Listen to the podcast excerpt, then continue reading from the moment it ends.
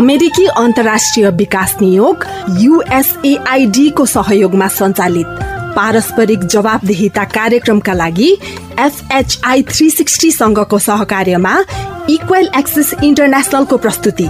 साझा बोली रेडियो बहस।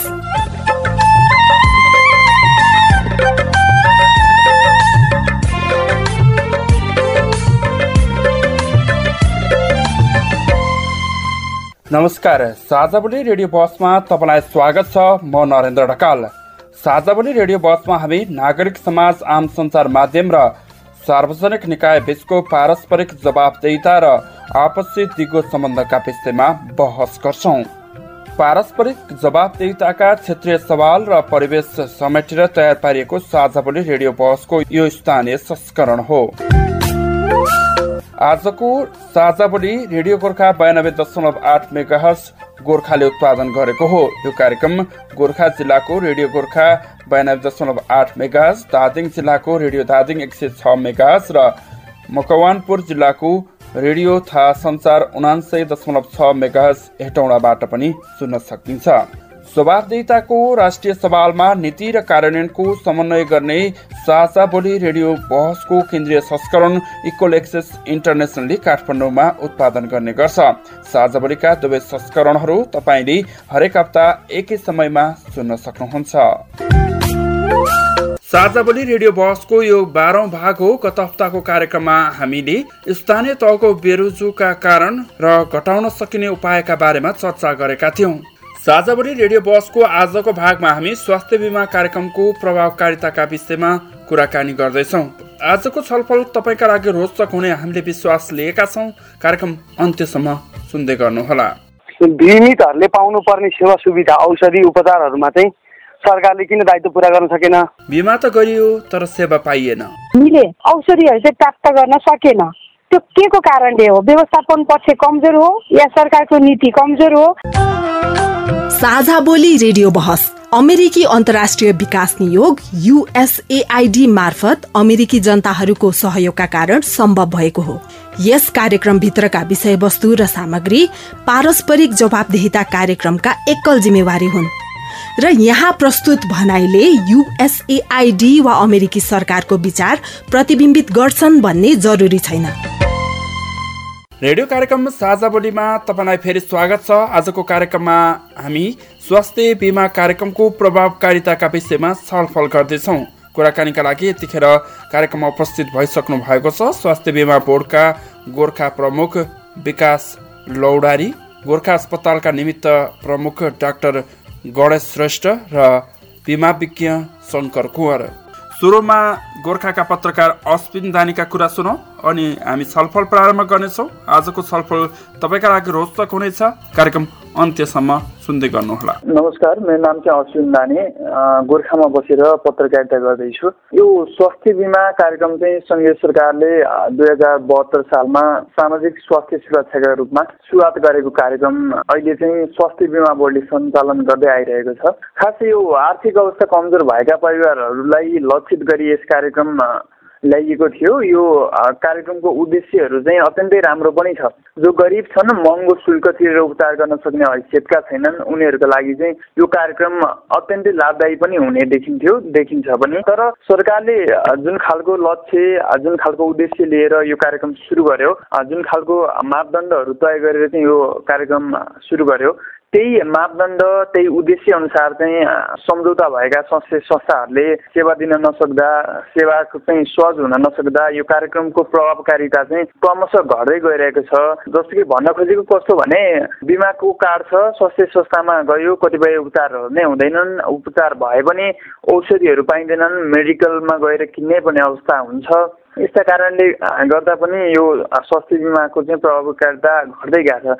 र अर्को भनेको चाहिँ बिमा गर्नेहरूको सङ्ख्या विगतको तुलनामा अहिले क्रमशः घटिरहेछ र नवीकरण गर्नेहरूको पनि घटिरहेछ। बढ्नुपर्ने उल्टो घट्दैछ यो नवीकरण र बिमा गरेको तिन महिनापछि मात्रै लागु हुन्छ फेरि यो कार्यक्रम।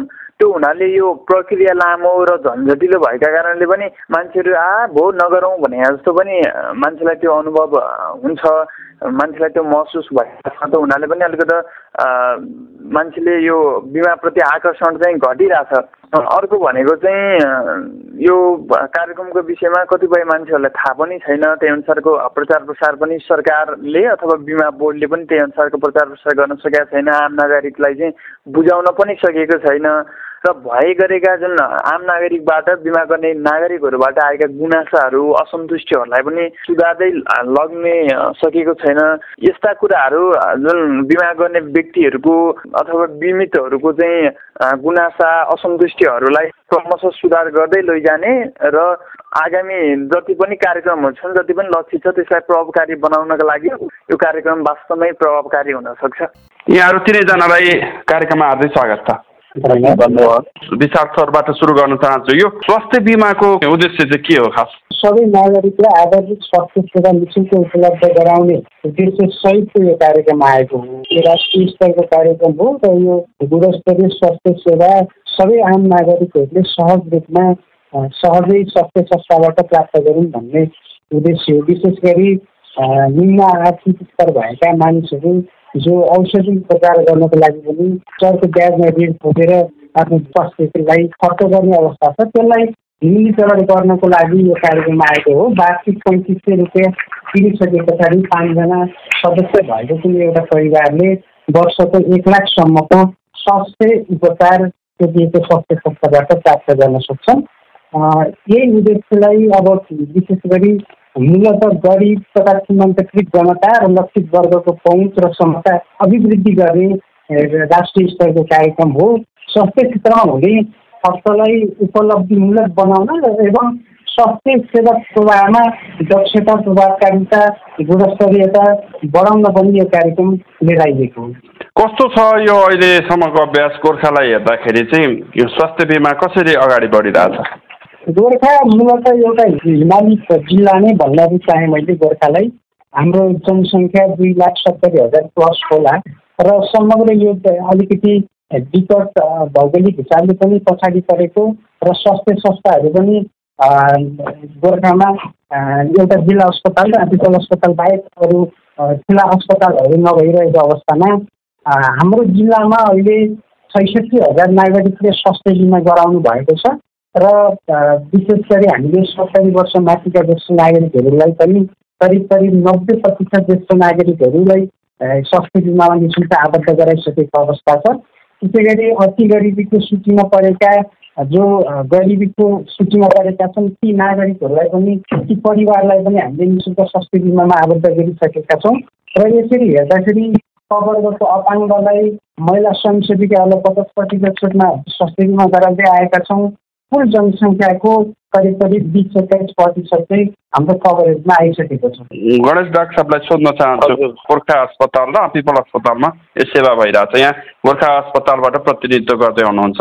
त्यहाँ चाहिँ कस्तो छ अब यो बिमा मार्फत चाहिँ सेवा गाईले सेवा पाएको छ कि छैन के छ त्यहाँ चाहिँ अब? अहिले हाम्रो दैनिक भन्यो भने लगभग पचासजना जति सरकारमा पचासजना बढी नै आउनुहुन्छ।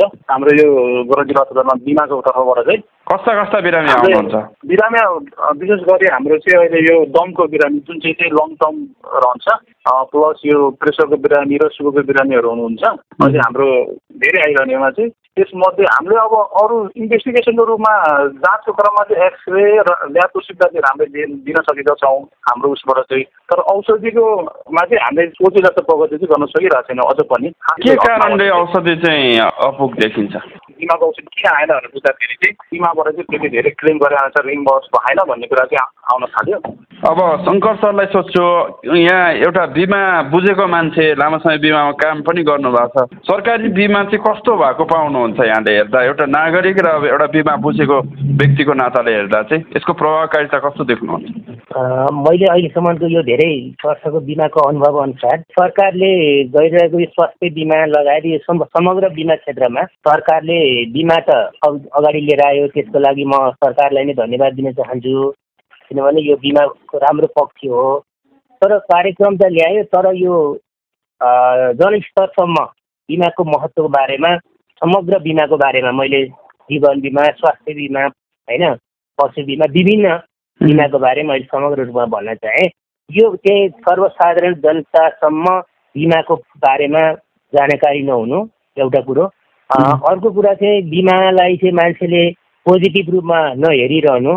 बिमाबाट बिमा गर्न सजिलो भुक्तानी भनेको अहिलेसम्म बुझाउँदै नबुझाइकन काम गर्यो भन्ने खालको बुझाइरह्यो यहाँको। हजुर बिमाको कार्यक्रम त लिएर आयो तर कोही कोही बेलामा टिभीमा दिएको छ विज्ञापन तर रेडियोमा दिएको छ। त्यो सर्वसाधारण मान्छेले त्यो कुराहरू बुझिरहनु भएको छैन त्यो ठाउँमासम्म बिमा पुगेको छैन। पहिले त्यो कारणले गर्दा मैले चाहिँ के भन्न चाहन्छु भने सम्बन्धित निकायबाट बिमा समितिदेखि लिएर सम्बन्धित निकाय बिमा निकायसम्मले सर्वसाधारण जनतासँग तल्लो निकायसम्म टोल स्तरसम्म अभिमुखीकरण गोष्ठी राखेर सबै जनताले चाहिँ बिमा बुझ्नु पर्यो। बिमाको पोलिसीको बारेमा सर्वसाधारणलाई जानकारी गराउनु पर्यो भन्ने यहाँको हो सर्वप्रथम चाहिँ बिमाको पोलिसीको बारेमा सर्वसाधारणसम्म जानकारी हुनु पर्यो। त्यो भए मात्रै जनताले यो कुराहरू गर्न अगाडि सर्नु चाहिँ नभए बिमा गर्यो अब कहाँ जाने हो?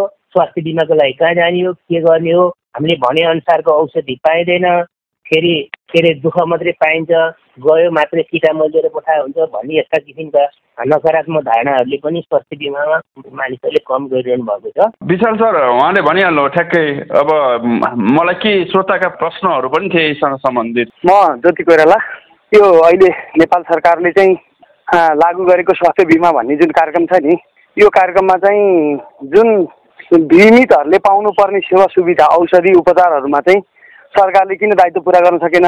त्यहाँ तोकिएका औषधिहरू किन आउन सकेनन्? जुन हामी वार्षिक रूपमा पैँतिस सय रुपियाँ तिर्छौँ त्यो योगदानमा आधारित स्वास्थ्य बिमा कार्यक्रम भइसकेको हुनाले सबै नागरिकहरूलाई स्वास्थ्य बिमामा आबद्ध हुन म अनुरोध गर्दछु होइन? अब उहाँहरू एक वर्ष अवधिभित्रमा बिरामी हुनुभयो भने त्यो पैँतिस सय रुपियाँले एक लाखसम्मको औषधि उपचार बेहोर्ने भयो। र यदि उहाँहरू बिरामी हुनु भएन भने त्यो त हाम्रो लागि अझ खुसीको कुरा हो किनभने एक वर्षसम्म उहाँहरू बिरामी हुनु भएन स्वस्थ हुनु त राम्रो कुरा हो। उहाँले तिरेको योगदान रकम चाहिँ हाम्रो स्वास्थ्य बिमा कार्यक्रम जोखिम तथा सहयोग आदान प्रदानको कार्यक्रम पनि हो। स्वास्थ्य जोखिम भनेको जो चाहिँ कम जोखिम रहेका व्यक्तिले बढी जोखिम भएको व्यक्तिलाई सहयोग गर्ने कार्यक्रम त्यसै गरी आर्थिक जोखिम भन्ने हुन्छ जो सम्पन्न व्यक्तिले पनि बिमा गरिदिनु भयो भने उहाँहरूले तिरेको योगदान रकमले अर्को व्यक्तिले जो आर्थिक रूपले विपन्न छ त्यो व्यक्तिले पनि त्यहाँबाट सहयोग दिन सक्ने भयो। र अर्को उमेर समूह हामी त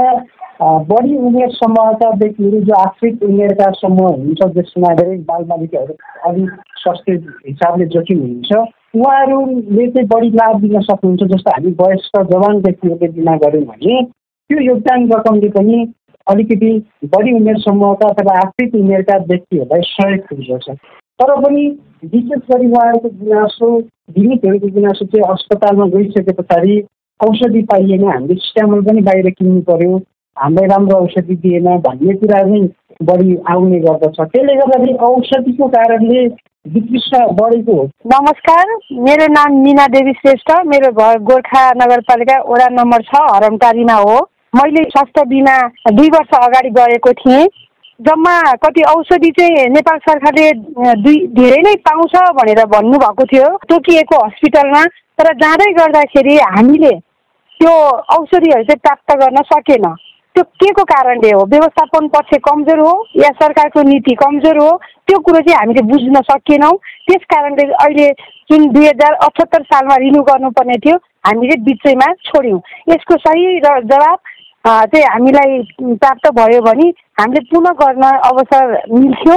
मेरो यो जुन प्रश्न छ यो गोर्खा हस्पिटल को डक्टर साहबसँग चाहिँ मैले यो क्वेसन चाहिँ राख्न चाहेँ। डाक्टर साहब अब ठ्याक्कै अघि यहाँले उठाउनु भएको थियो होइन।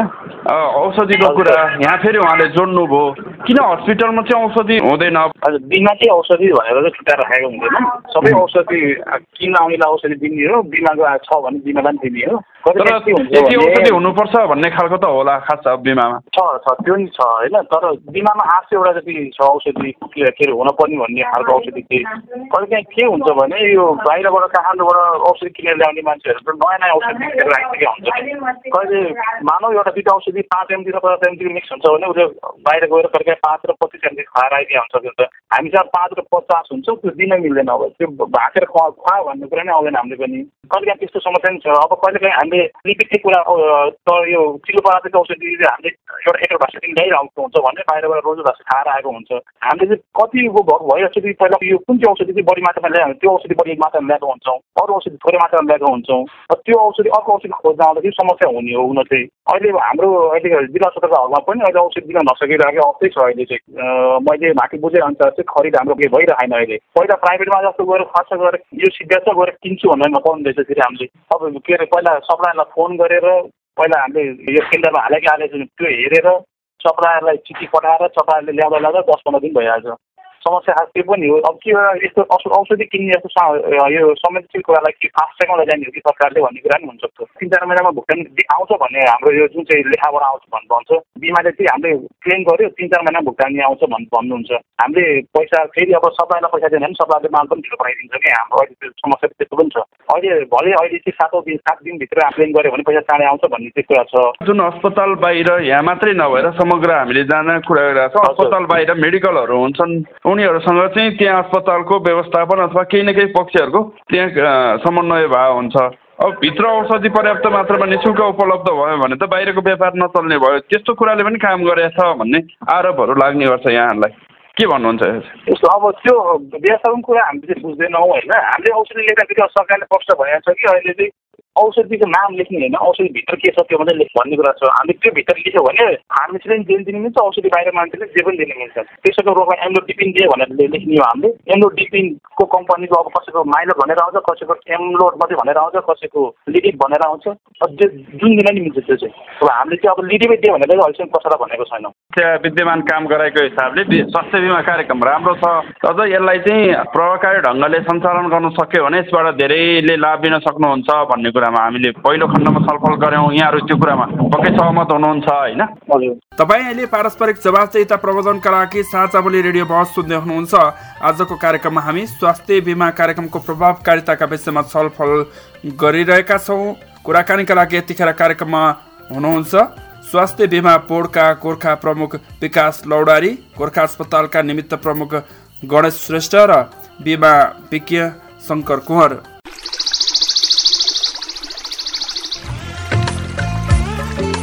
प्रश्न परिवर्तनको सुरुवात हो। जवाफ रूपान्तरणको आधार हो। प्रश्न आविष्कारको जननी हो। जवाफ सुशासनको परिणाम हो। त्यसैले प्रश्न सोधौं जवाफ खोजौं। तपाईँले हामीलाई पैसा नलाग्ने नम्बरमा फोन गरेर आफ्ना कुराहरू भन्न सक्नुहुन्छ। एनसेल प्रयोग गर्नुहुन्छ भने अन्ठानब्बे शून्य पन्ध्र एकहत्तर शून्य उन्तिसमा फोन गर्न सक्नुहुन्छ। एनटिसी प्रयोग गर्नुहुन्छ भने सोह्र साठी शून्य एक शून्य शून्य चार पाँच नौमा फोन गर्न सक्नुहुन्छ।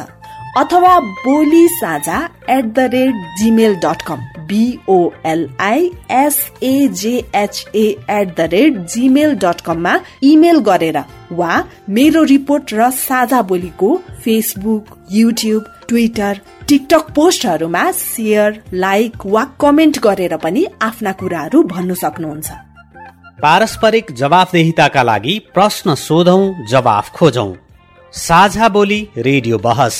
म चाहिँ अब सङ्घर्षलाई सोध्छु यहाँ एउटा नागरिक समाज एउटा उपभोक्ताको हिसाबले हेर्दा पनि मैले अघि जोडेको विषय यो स्वास्थ्य बिमामा औषधिहरू अभाव हुनुको पछाडि चाहिँ के कारण चाहिँ बढी भएको चाहिँ महसुस गर्नुहुन्छ यहाँले? यो औषधिहरू सर्व सुलभ नहुनुमा चाहिँ मैले देखेको कुरामा चाहिँ सरकारले बिमाको कार्यक्रम त लिएर आयो तर सरकारले पनि त औषधि किन्न त भुक्तानी त दिनु पर्यो तर टाइममा चाहिँ सरकारले बिमाका रकमहरू भुक्तानी टाइममा नदिनु जस्तो एक डेढ वर्ष लगाइदिने पाँच सात महिना लगाइदिने। भुक्तानी नपाइसकि सप्लायरले औषधि दिँदैन। अब यो प्रचार प्रसारको कुरामा सरले भन्नुभएको थियो। कागजी रूपमा त सायद मानौँ न यो वडाबाट अथवा कुनै ठाउँबाट एउटा स्वास्थ्य समिति बनेर गएको होला। तर त्यो स्वास्थ्य समितिले कुनै पनि समयमा मिटिङ बसेर गाउँमा चाहिँ यसको प्रचार प्रसार र प्रभावकारी कार्यक्रम गरेको मैले चाहिँ अहिलेसम्म थाहा पाएको छैन हुन सक्ला एउटा स्वास्थ्य समिति बनेर त्यहाँ रिपोर्ट चाहिँ गएको होला। दोस्रो कुरा अब त्यो दर्ता सहयोगी प्रत्येक वडामा राखिएको छ त्यो कुरा हामीलाई पनि थाहा छ। तर स्वास्थ्य सहयोगी राखेर उसले प्रत्येक बिमितको घरमा अथवा नागरिकको घरमा पुगेर स्वास्थ्यको बारेमा जानकारी गराएर तपाईँको बिमा गराउनु पर्यो यो यस्तो यस्तो हो भनेर मोटिभेसन गरेर अलिकति बुझाउनु पर्छ। किनकि हाम्रो देशमा अथवा हाम्रो परिवेशमा बिमा भन्ने बित्तिकै मान्छेले नेगेटिभ बुझिराखेका छन् अझै पनि। त्यसले गर्दा बिमा किन गर्ने कसो गर्ने यो गरेर के हुन्छ भन्ने कुरा चाहिँ जनताले नबुझ्नुको कारणले स्वास्थ्य सहयोगी प्रत्येक घरमा नपुगिरहेको कारणले पनि बिमा भइरहेको छैन। र अर्को कुरा के बुझेका छन् भने एउटा बिमा गरेर कार्ड त दिएको छ उसले चाहिँ के बुझ्छ भने मेरो त एक वर्षलाई हो फेरि नवीकरण गर्नुपर्छ भनेर उसले बुझ्दैन अथवा बिर्सिन्छ। किनभने किसानहरू काम र व्यवहारले गर्दा उसले स्वास्थ्य बिमाको नवीकरण गर्न बिर्सेको हुन्छ। जब ऊ बिरामी परेर हस्पिटल जान्छ उसको त नवीकरण भएको छैन। नवीकरण भएको भने सुविधा पाएन। त्यसले गर्दा त्यो स्वास्थ्य सहयोगीले कुन व्यक्तिको म्याद कहिले सकिएको छ उसलाई चाहिँ एक हप्ता अगाडि नै गएर ल तपाईँको म्याद सकिएको छ नवीकरण गर्नु पर्यो भनेर प्रत्येक व्यक्तिको घर घरमा पुगेर मोटिभेसन गरेर यसलाई प्रभावकारी रूपमा अगाडि बढाउन सक्यो भने चाहिँ प्रभावकारी होला। दर्ता सहयोगी राखिएको छ स्वास्थ्य समिति बनाइएको छ र त्यसपछि नवीकरण हुन्छ मात्रै भनेर अहिलेको परिवेशमा मान्छेले यो काम चाहिँ अघि बढाइरहेको मैले चाहिँ बुझेको छैन। त्यो औषधि टाइममा नआउनु चाहिँ सरकारकै पनि कमी होला। टाइममा भुक्तानी यो बिमामा छुट्याएको अनुदान रकम टाइममा भुक्तानी नभएपछि हस्पिटलले पनि औषध दिन नसक्नु।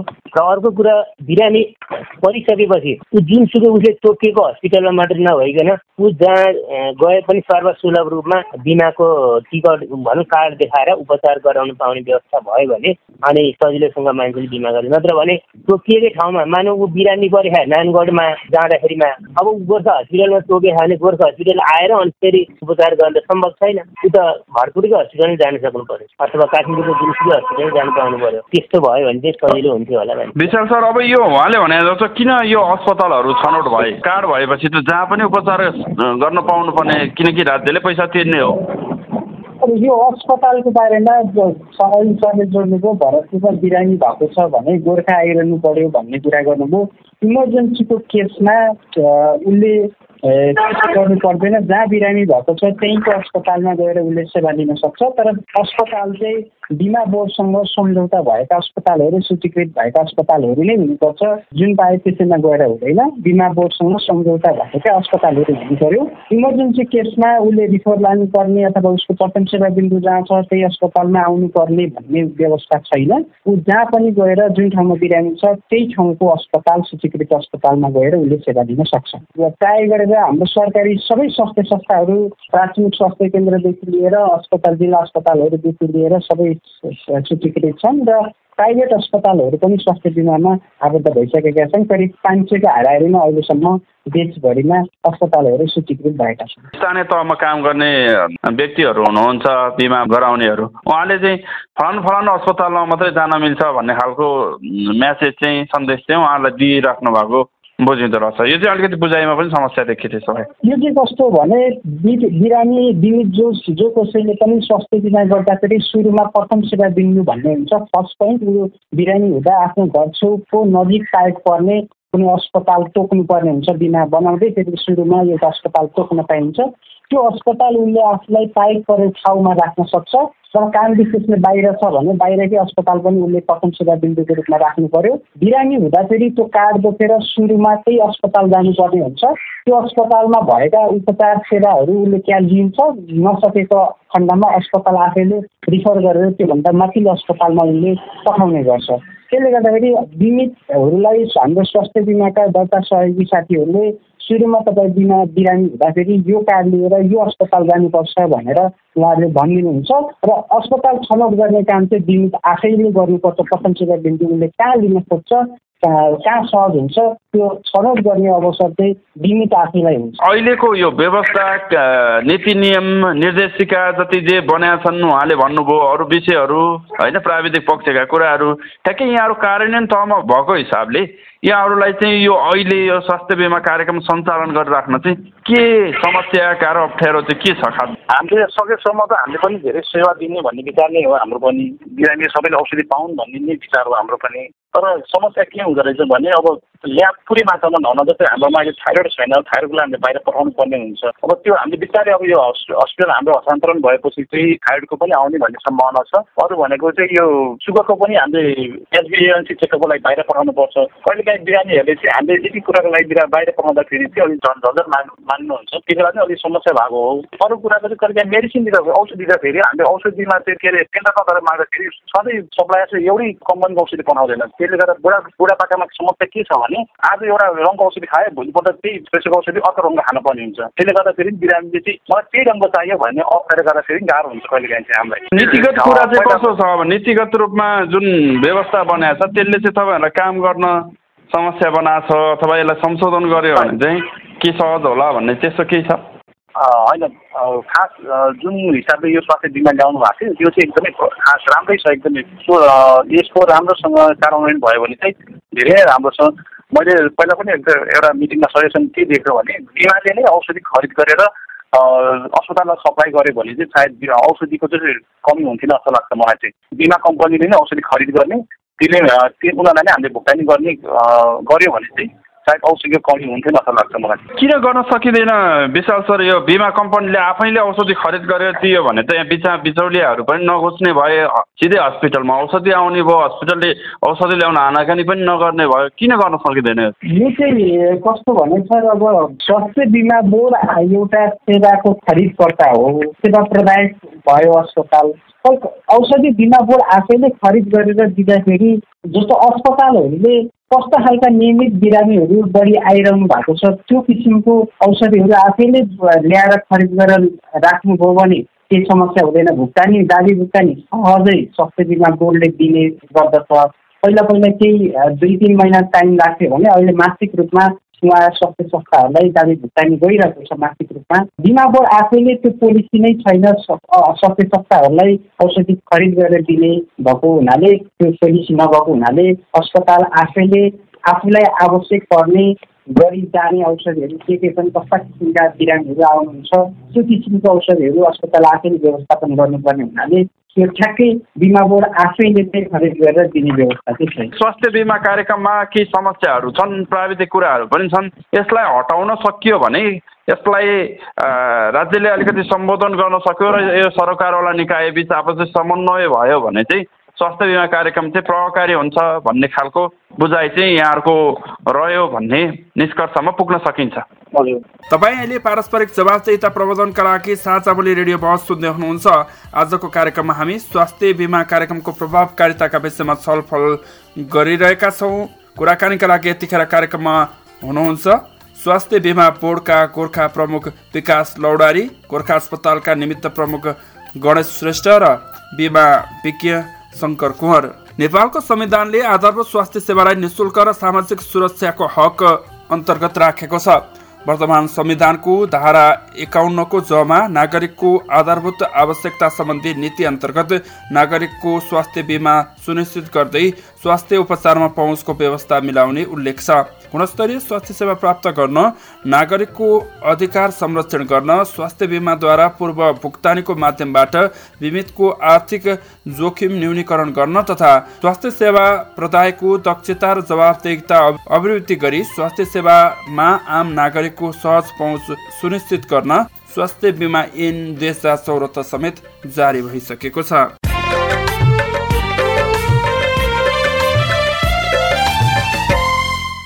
यसलाई थप प्रभावकारी बनाउनमा चाहिँ के गर्नु पर्ला यहाँहरूको अनुभव यहाँहरूको काम गराइले चाहिँ के भन्छ भन्ने बारेमा हामी छलफल गर्छौँ।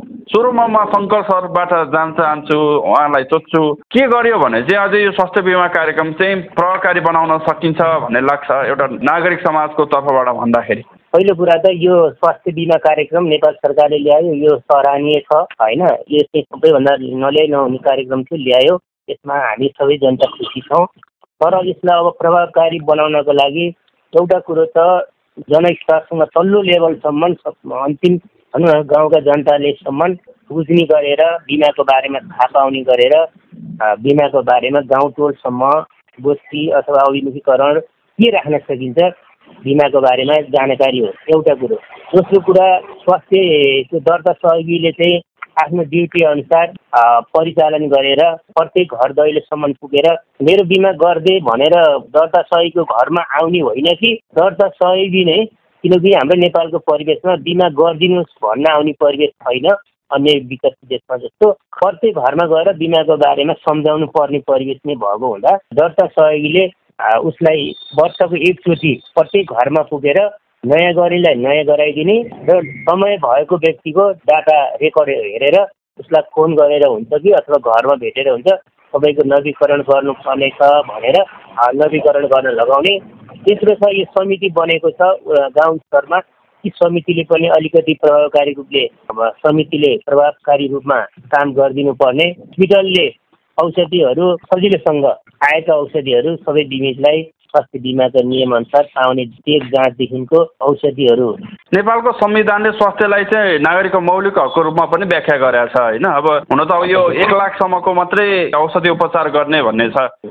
यसलाई बढाउनु पर्छ अथवा यो पर्याप्त छ? के लाग्छ? अब राज्यले त स्वास्थ्य सेवा दिन्छु भनिसकेपछि त एक लाखको बााउन्ड्री राख्नु जरुरी हो कि होइन? के के भन्नुहुन्छ? यो चाहिँ बााउन्ड्री त नराख्नु पर्ने किनभने नि त्यसमाथि पनि पाँचजना परिवारलाई भनेको छ। अब पाँचजना मध्ये होला कोही परिवारमा कसैको पनि बिरामी नहोस् न नभएर झन् राम्रो होइन झन् सबै स्वास्थ्य परिवार भएको राम्रो छ होस्। होइन एकले गरेको बिमाबाट अर्कोलाई सहयोग पुग्छ त्यो पनि राम्रो कुरा हो। तर कोही बेलामा एउटै व्यक्ति पाँचैजना पनि हुन सक्छन्। पाँचैजना बिरामी भएर बिस तिस हजार मात्रै खर्च हुने त होइन। अथवा एउटैलाई एक लाख लाग्न सक्ला दुई लाख लाग्न सक्ला बााउन्ड्री भयो भने के भन्ने भयो त एक लाख सकियो भने त अरू उपचारलाई फेरि घरबाट पैसा हाल्नु पर्यो। त्यसले गर्दा कुनै पनि बााउन्ड्री नराखिकन सबै व्यक्तिले जति खर्च लाग्छ त्यति बराबरको उपचार पाउन सके अझ प्रभावकारी हुने थियो। र जनताको माझमा स्वास्थ्य बिमा त आएको छ छुट्याएको छ बजेट त भन्ने तर विभिन्न किसिमको प्रक्रियाले गर्दा ढिला सृष्टि किनभने सम्बन्धित निकाय हस्पिटल स्वास्थ्य निकायहरूमा सप्लायरहरूमा टाइममा स्वास्थ्य बिमाका भुक्तानीका रकमहरू टाइममा नगइराखेकोले पनि हामीले थाहा पाएअनुसार यो प्रभावकारी हुन नसकेको अथवा टाइममा औषधि नआएको सकिरहेको भन्ने कुरा थाहा भएको छ। सरकारले यो निकायले स्वास्थ्य बिमामा छुट्याएको स्वास्थ्य बोर्डले चाहिँ टाइमली सप्लायरहरूलाई चाहिँ भुक्तानी गरोस्। देशभरिका जुनसुकै हस्पिटल जहाँ पुग्दा पनि उसले चाहिँ आफ्नो कार्ड देखाएर जुनसुकै हस्पिटलबाट अघि सरले भन्नुभयो हो इमर्जेन्सीको केसमा त चितवन भयो गोर्खा आइरहनु पर्न उसले जुनसुकै हस्पिटललाई पनि टेस्ट त गर्ला। तर मान्छेले नियमित चेकअप चेक जाँचको कुराहरू छ। त्यस्तो अवस्थामा उसले म चाहिँ म गङ्गालाल जान्छु अथवा अर्को कुनै हस्पिटल जान्छु काठमाडौँ जान्छु पोखरा जान्छु चितवन जान्छु भन्यो भने यहाँको सिफारिस नलिकन त जान पाएन। त्यो कारणले गर्दा उसले आफ्नो पहुँच पर्ने ठाउँमा आफ्नो सजिलो हुने विश्वास हुने यो स्वास्थ्यमा के हुँदो रहेछ भने मान्छेले जहाँ जताइराखेको छ नि उसलाई विश्वास मान्दो रहेछ। जस्तो सुकै राम्रो भएको छ भने पनि उसले त्यसलाई कतिले विश्वास नगर्ने कतिपयले आफूलाई निको भएको छ भने चाहिँ म चाहिँ फलाने हस्पिटलमा जान्छु। भनेर मान्छेहरू त्यहीँ धाइरहेका गइरहेको परिवेश छन्। त्यस्तो परिवेशमा उसले आफूलाई इच्छा लागेको ठाउँमा गएर उपचार गर्न पाउने। हुन्छ डाक्टर साहबलाई सोध्छु फेरि अब यहाँको चाहिँ के हुन्छ सुझाव के गर्यो भने चाहिँ यो स्वास्थ्य बिमा कार्यक्रम चाहिँ प्रभावकारी हुन्छ? वास्तविक पीडितले अथवा बिरामीले सेवा पाउँछन् भन्ने लाग्छ। हाम्रोमा त अब खास भन्ने नै हो भने हामीले औषधि नै गर्न सक्नुपर्ने हो खास भन्ने चाहिँ। त्यो अहिले हामीले अलिक गर्न सकिरहेको छैनौँ। त्यो चाहिँ फ्याक्ट नै हो। त्यसलाई स्वीकार्नै पर्छ हामीले। अर्को कुरो भनेको नियमित एउटै तरिकामा औषधि दिनुपर्ने हो भने चाहिँ स्वास्थ्य बिमा बोर्डले पनि बोर्डले नै औषधि वितरण गरेको सबभन्दा राम्रो हुन्छ। त्यसले गर्दाखेरि भुक्तानीमा पनि समस्या आउँदैन हाम्रो। तर बिस्तारै हामीले क्लेम गरेर भुक्तानी गर्ने हुनाले स्वास्थ्य स्वास्थ्य बिमालाई पनि एउटा एकतर्फी चाहिँ आर्थिक फाइदा चाहिँ हुन्छ नै होला। यो कुरामा? विशाल सर उहाँहरूको कुरा सुन्नुभयो होइन? के गरिदियो भने चाहिँ अझै अब यहाँ जिम्मेवार रूपमा प्रस्तुत भइराख्नु भएको छ लागिराख्नु भएको छ। अझै राज्यको कन्सेप्ट एउटा छ होइन? अब बिमा बोर्डको पनि एउटा कुरा होला होइन? अब के गर्यो भने अझै झनै प्रभावकारी बनाउन सकिन्छ भन्ने लाग्छ। अब बिमितहरू अथवा जो पनि बिरामी एकचोटि अस्पताल गइसके पछाडि जुनसुकै अस्पताल गइसके पछाडि त्यहाँको अस्पतालको टिकट काउन्टरमा बिरामी पाउँछ। र टिकट काउन्टर नै तपाईँले स्वास्थ्य बिमा गर्नु भएको छ कि छैन भनेर सोधिएको खण्डमा नगर्ने मान्छेहरूले पनि स्वास्थ्य बिमा गर्नु पर्दो रहेछ है भन्ने कुरा एउटा थाहा पाउँछन् होइन। त्यसले गर्दा जनचेतनामा पनि अघि अघि पुगेको छैन गाउँकोसम्म मान्छेको घर आँगनसम्म पुगेको छैन भन्ने कुरा आएको छ।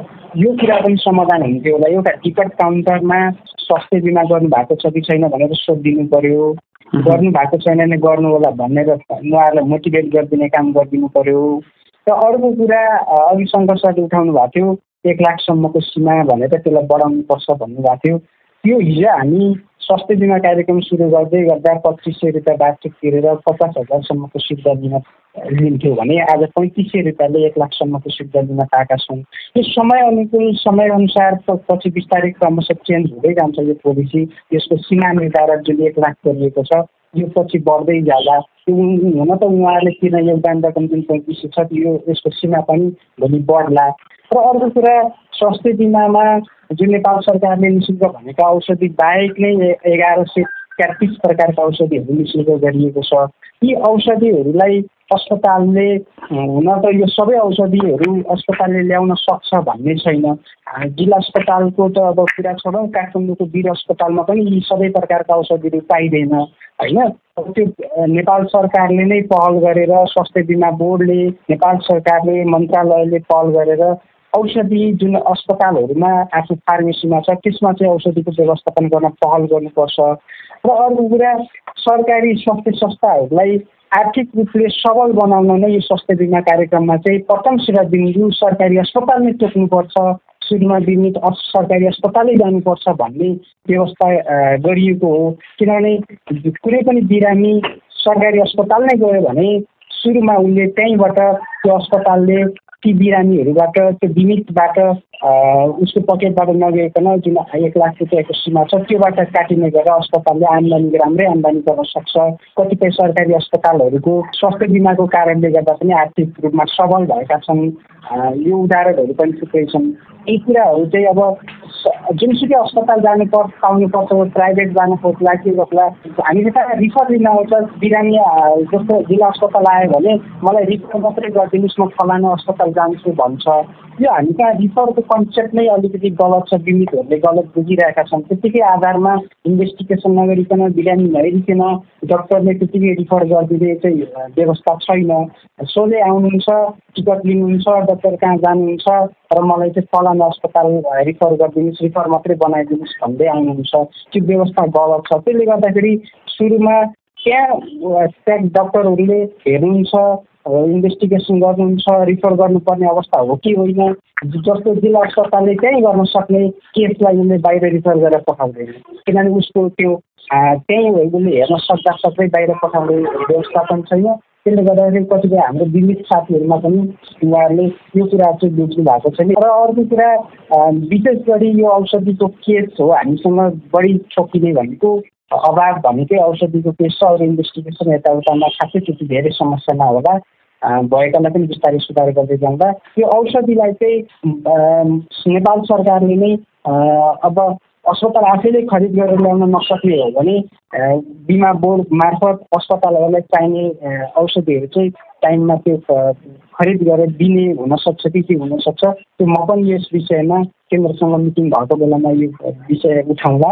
यो अहिलेसम्मको छलफलले हामीले एउटा जुन उद्देश्य राखेर काम गरेका छौँ कि प्राविधिक समस्याहरू छन् यो नयाँ कार्यक्रम भएको हिसाबले बुझ्न पनि समय पनि लागिरह होला होइन? केही नीतिगत कुराहरू पनि मिलाउनु पर्ने हुन सक्छन्। सरकार आफैले यो कार्यक्रमलाई अझै इनिसिएसन लिएर आफैले नेतृत्व गरेर स्वास्थ्य संस्थामा औषधि पुर्यायो भने चाहिँ अझै प्रभावकारी बनाउन सकिन्छ र यसको सीमा बढाउने अनि सबै अस्पतालहरूमा कार्यक्रम विस्तार गर्ने लगायतको कुरामा चाहिँ सरकारले पहल गर्नुपर्छ भन्ने खालको यहाँहरूको आशय यहाँहरूको निष्कर्ष रह्यो। तपाईँ अहिले पारस्परिक जवाबदेता प्रबन्धनका लागि साझा बोली रेडियो बहस सुन्दै हुनुहुन्छ। आजको कार्यक्रममा हामी स्वास्थ्य बिमा कार्यक्रमको प्रभावकारिताका विषयमा छलफल गरिरहेका छौँ। कुराकानीका लागि यतिखेर कार्यक्रममा हुनुहुन्छ स्वास्थ्य बिमा बोर्डका गोर्खा प्रमुख विकास लौडारी गोर्खा अस्पतालका निमित्त प्रमुख गणेश श्रेष्ठ र बिमा विज्ञ शङ्कर कुँवर। यो स्वास्थ्य बिमा कार्यक्रमलाई प्रभावकारी बनाउनलाई चाहिँ यहाँको तर्फबाट के पहल कदमी हुन्छ के चाहिँ भूमिका निर्वाह गर्न सक्नुहुन्छ? म सुरुमा छोटोमा म शङ्कर सरलाई नै राख्न अनुरोध गर्छु। यहाँ एउटा बिमा बुझेको हिसाबले यो कार्यक्रमलाई प्रभावकारी बनाउन चाहिँ यहाँले व्यक्तिगत रूपमा के भूमिका खेल्नुहुन्छ? हामीले व्यक्तिगत रूपमा के भूमिका खेल्न सक्छौँ भने अब हामीले जानकारी पाएर हामीलाई भनियो भने सम्बन्धित वडा स्तर अथवा टोल स्तरमा पनि गएर हामीले मोटिभेसन गर्न सक्छौँ। अथवा त्यो कुरा चाहिँ सरकारी तयार छौँ। हामी जानकारी गर्न हामीले बुझेसम्मका बिमाको बारेमा बुझेसम्मको कुन क्षेत्र कुन ठाउँ कुन गाउँ गएर भन्नुपर्छ हामी गएर भन्नको लागि तयार छौँ। तर त्यो सम्बन्धित निकायले हामीसँग सम्पर्क राखोस् र यहाँको स्थानीय समितिहरूले पनि हामीसँग सम्पर्क राखोस् र स्वास्थ्य सहयोगीहरूले पनि परिवेश जिम्मेवारी अनुसार काम गरोस्। सबैले आफ्नो जिम्मेवारीलाई लिएर काम गर्यो भने सबै कुराहरू पुरा हुन्छ। सबैले तल्लो निकायदेखि माथिल्लो निकायसम्म सबैले आफ्नो आफ्नो निकायबाट आफ्नो जिम्मेवारी पुरा गरेर यो स्वास्थ्य बिमालाई प्रभावकारी रूपमा अघि बढाएर सर्व भनौँ न आर्थिक कमजोर भएका व्यक्तिहरूले स्वास्थ्य सर्वसुलभ तरिकाबाट स्वास्थ्य सेवा उपलब्ध होस् र गराउन प्रभावकारी पुगोस् यो सरकारको यो कार्यक्रमलाई अझ बढी प्रभावकारी होस् भन्ने चाहन्छु। डाक्टर साहब के हुन्छ यहाँको भूमिका चाहिँ? के पहल कदमी गर्नुहुन्छ यहाँले चाहिँ? हाम्रो तर्फबाट भन्ने भन्ने भने हामीले चाहिँ माथि निकायमा डाक्टरहरूले चाहिँ कुन चाहिँ औषधि बढी युज गर्नुहुन्छ प्रेसरको लागि कुन चाहिँ औषधि बढी युज गर्नुहुन्छ? सुगरको लागि कुन चाहिँ औषधि बढी युज गर्नुहुन्छ दमको लागि कुन चाहिँ औषधि बढी प्रयोग गर्छौँ? त्यो पनि हामीले माथिल्लो निकायमा भनेर चाहिँ यो औषधि चाहिँ बढी मात्रामा ल्याउनु चाहिँ पहल गरिदिनु गर्ने हो। अर्को कुरो भनेको औषधि ल्याउँदाखेरि चाहिँ बढी यो एक्सपायरी डेट भएको जस्तै एक वर्ष दुई वर्ष भएको त्यो होइन कि तिन महिना चार महिनामा एक्सपायर हुने खालको ल्याउने होइन कि दुई तिन वर्षमा एक्सपायर नहोस् त्यस्तो खालको औषधि बढी ड्युरेसन भएको औषधि ल्याओस् भनेर हामीले चाहिँ पटक पटक भन्दै पनि आइरहेको छौँ हाम्रो माथिल्लो निकायलाई। अहिले पनि भनिरहेको थियौँ अहिले चाहिँ अब हाम्रो मेडिसिन आउने तर्फ नै हुनु छ अहिले। अहिले हाम्रोमा मेडिसिन आउँदा आउने कुरा छ अब चाहिँ हामीले चाहिँ त्यो पहिलेदेखि मिटिङहरूमा भन्दै आएको छौँ यो सेवा प्रभावकारी बनाउनलाई यहाँले आफ्नो तर्फबाट भूमिका खेल्नुहुन्छ।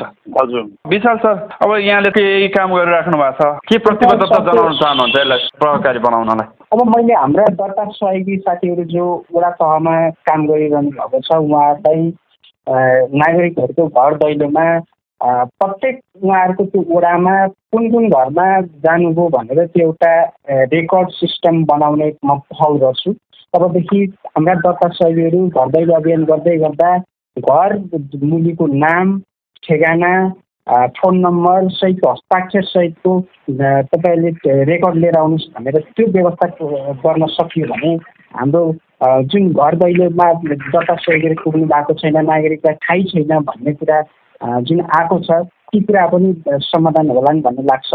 र अर्को कुरा हाम्रो जुन समिति बनेको छ स्थानीय स्वास्थ्य संयोजन समिति त्यो समितिलाई अलिकति एक्टिभली हाम्रो तिन तिन महिनामा मिटिङको बस्ने गरेको छ। त्यसलाई अझै कसरी आम नागरिकको तहसम्म तल्लो तहसम्म जान सकिन्छ विभिन्न टोल सुधारहरूदेखि लिएर महिला समूहदेखि लिएर सबै जुन सरकारवालाहरू हुन्छ उहाँसँग कसरी हामी नजिक रहेर काम गर्न सकिन्छ भन्ने कुरालाई अब हामीले फोकस गर्छौँ। तर विशेष गरी बुद्धिजीवी सरकारवाला जुन अघि सङ्घर्ष भन्नुभयो म पनि तयार छु यो बिमाको कार्यक्रमको बारेमा बोल्दिनँ भनेर म उहाँलाई पनि रिक्वेस्ट गर्न चाहन्छु।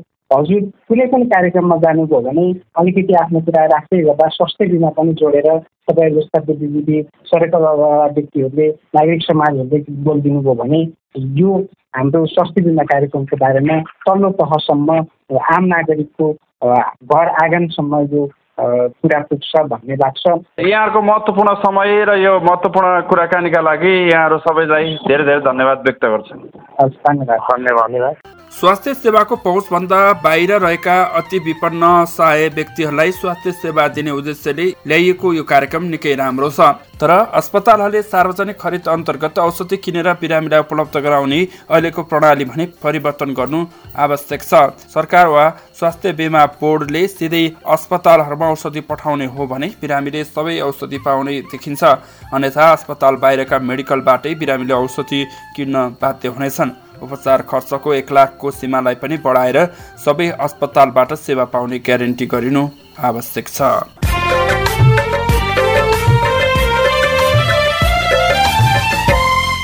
हामी साझाबली रेडियो बहसको अन्त्यमा आइपुगेका छौँ। साझाबली रेडियो बहसका बारेमा मनका कुरा भन्नका लागि एनटिसी मोबाइल वा ल्यान्डलाइन फोन प्रयोग गर्नुहुन्छ भने सोह्र साठी शून्य एक शून्य शून्य चार पाँच नौमा फोन गर्न सक्नुहुनेछ।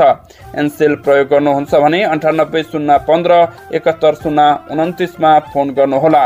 यी नम्बरमा फोन गरेको पैसा लाग्दैन प्राप्त निर्देशन अनुसार प्रश्न सोध्न सकिनेछ। पारस्परिक जवाबदेहिता बारे आफूले देखे सुने वा भोगेका कुनै पनि कुरा लेख मार्फत व्यक्त गर्न चाहनुहुन्छ वा अरूका लेख पढ्न चाहनुहुन्छ भने W W W dot M E R O R E P O R T dot N E T पनि लगअन गर्न सक्नुहुन्छ। साझावली रेडियो बस तपाईँले मेरो रिपोर्ट वेबसाइट पोडकास्ट च्यानल र सामाजिक सञ्जालहरूमा पनि सुन्न सक्नुहुन्छ।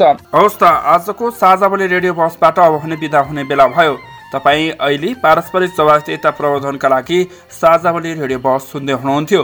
आजको कार्यक्रममा हामीले स्वास्थ्य बिमाको प्रभावकारिताका बारेमा छलफल गर्यौँ।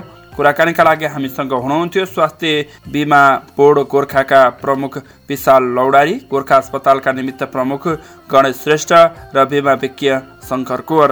स्वास्थ्य बिमा कार्यक्रमलाई थप प्रभावकारी बनाउन उहाँहरूले त आफ्नो ठाउँबाट काम गर्ने र आवश्यक बहस पैरवी गर्ने प्रतिबद्धता जनाउनु भएको छ। आशा छ यी प्रतिबद्धताहरू पुरा हुनेछन्। हामी पनि यस कार्यक्रमलाई प्रभावकारी बनाउन आफ्नो ठाउँबाट भूमिका खेल्ने प्रतिबद्धता व्यक्त गरौँ। यतिन्जेल ध्यान दिएर कार्यक्रम सुन्नु भएकोमा तपाईँलाई धन्यवाद। आगामी हप्ता पनि आजको जस्तै समयमा सार्वजनिक जवाफदेताको अर्को विषयमा खर छलफल लिएर आउनेछौँ। सुन्न नभुल्नुहोला।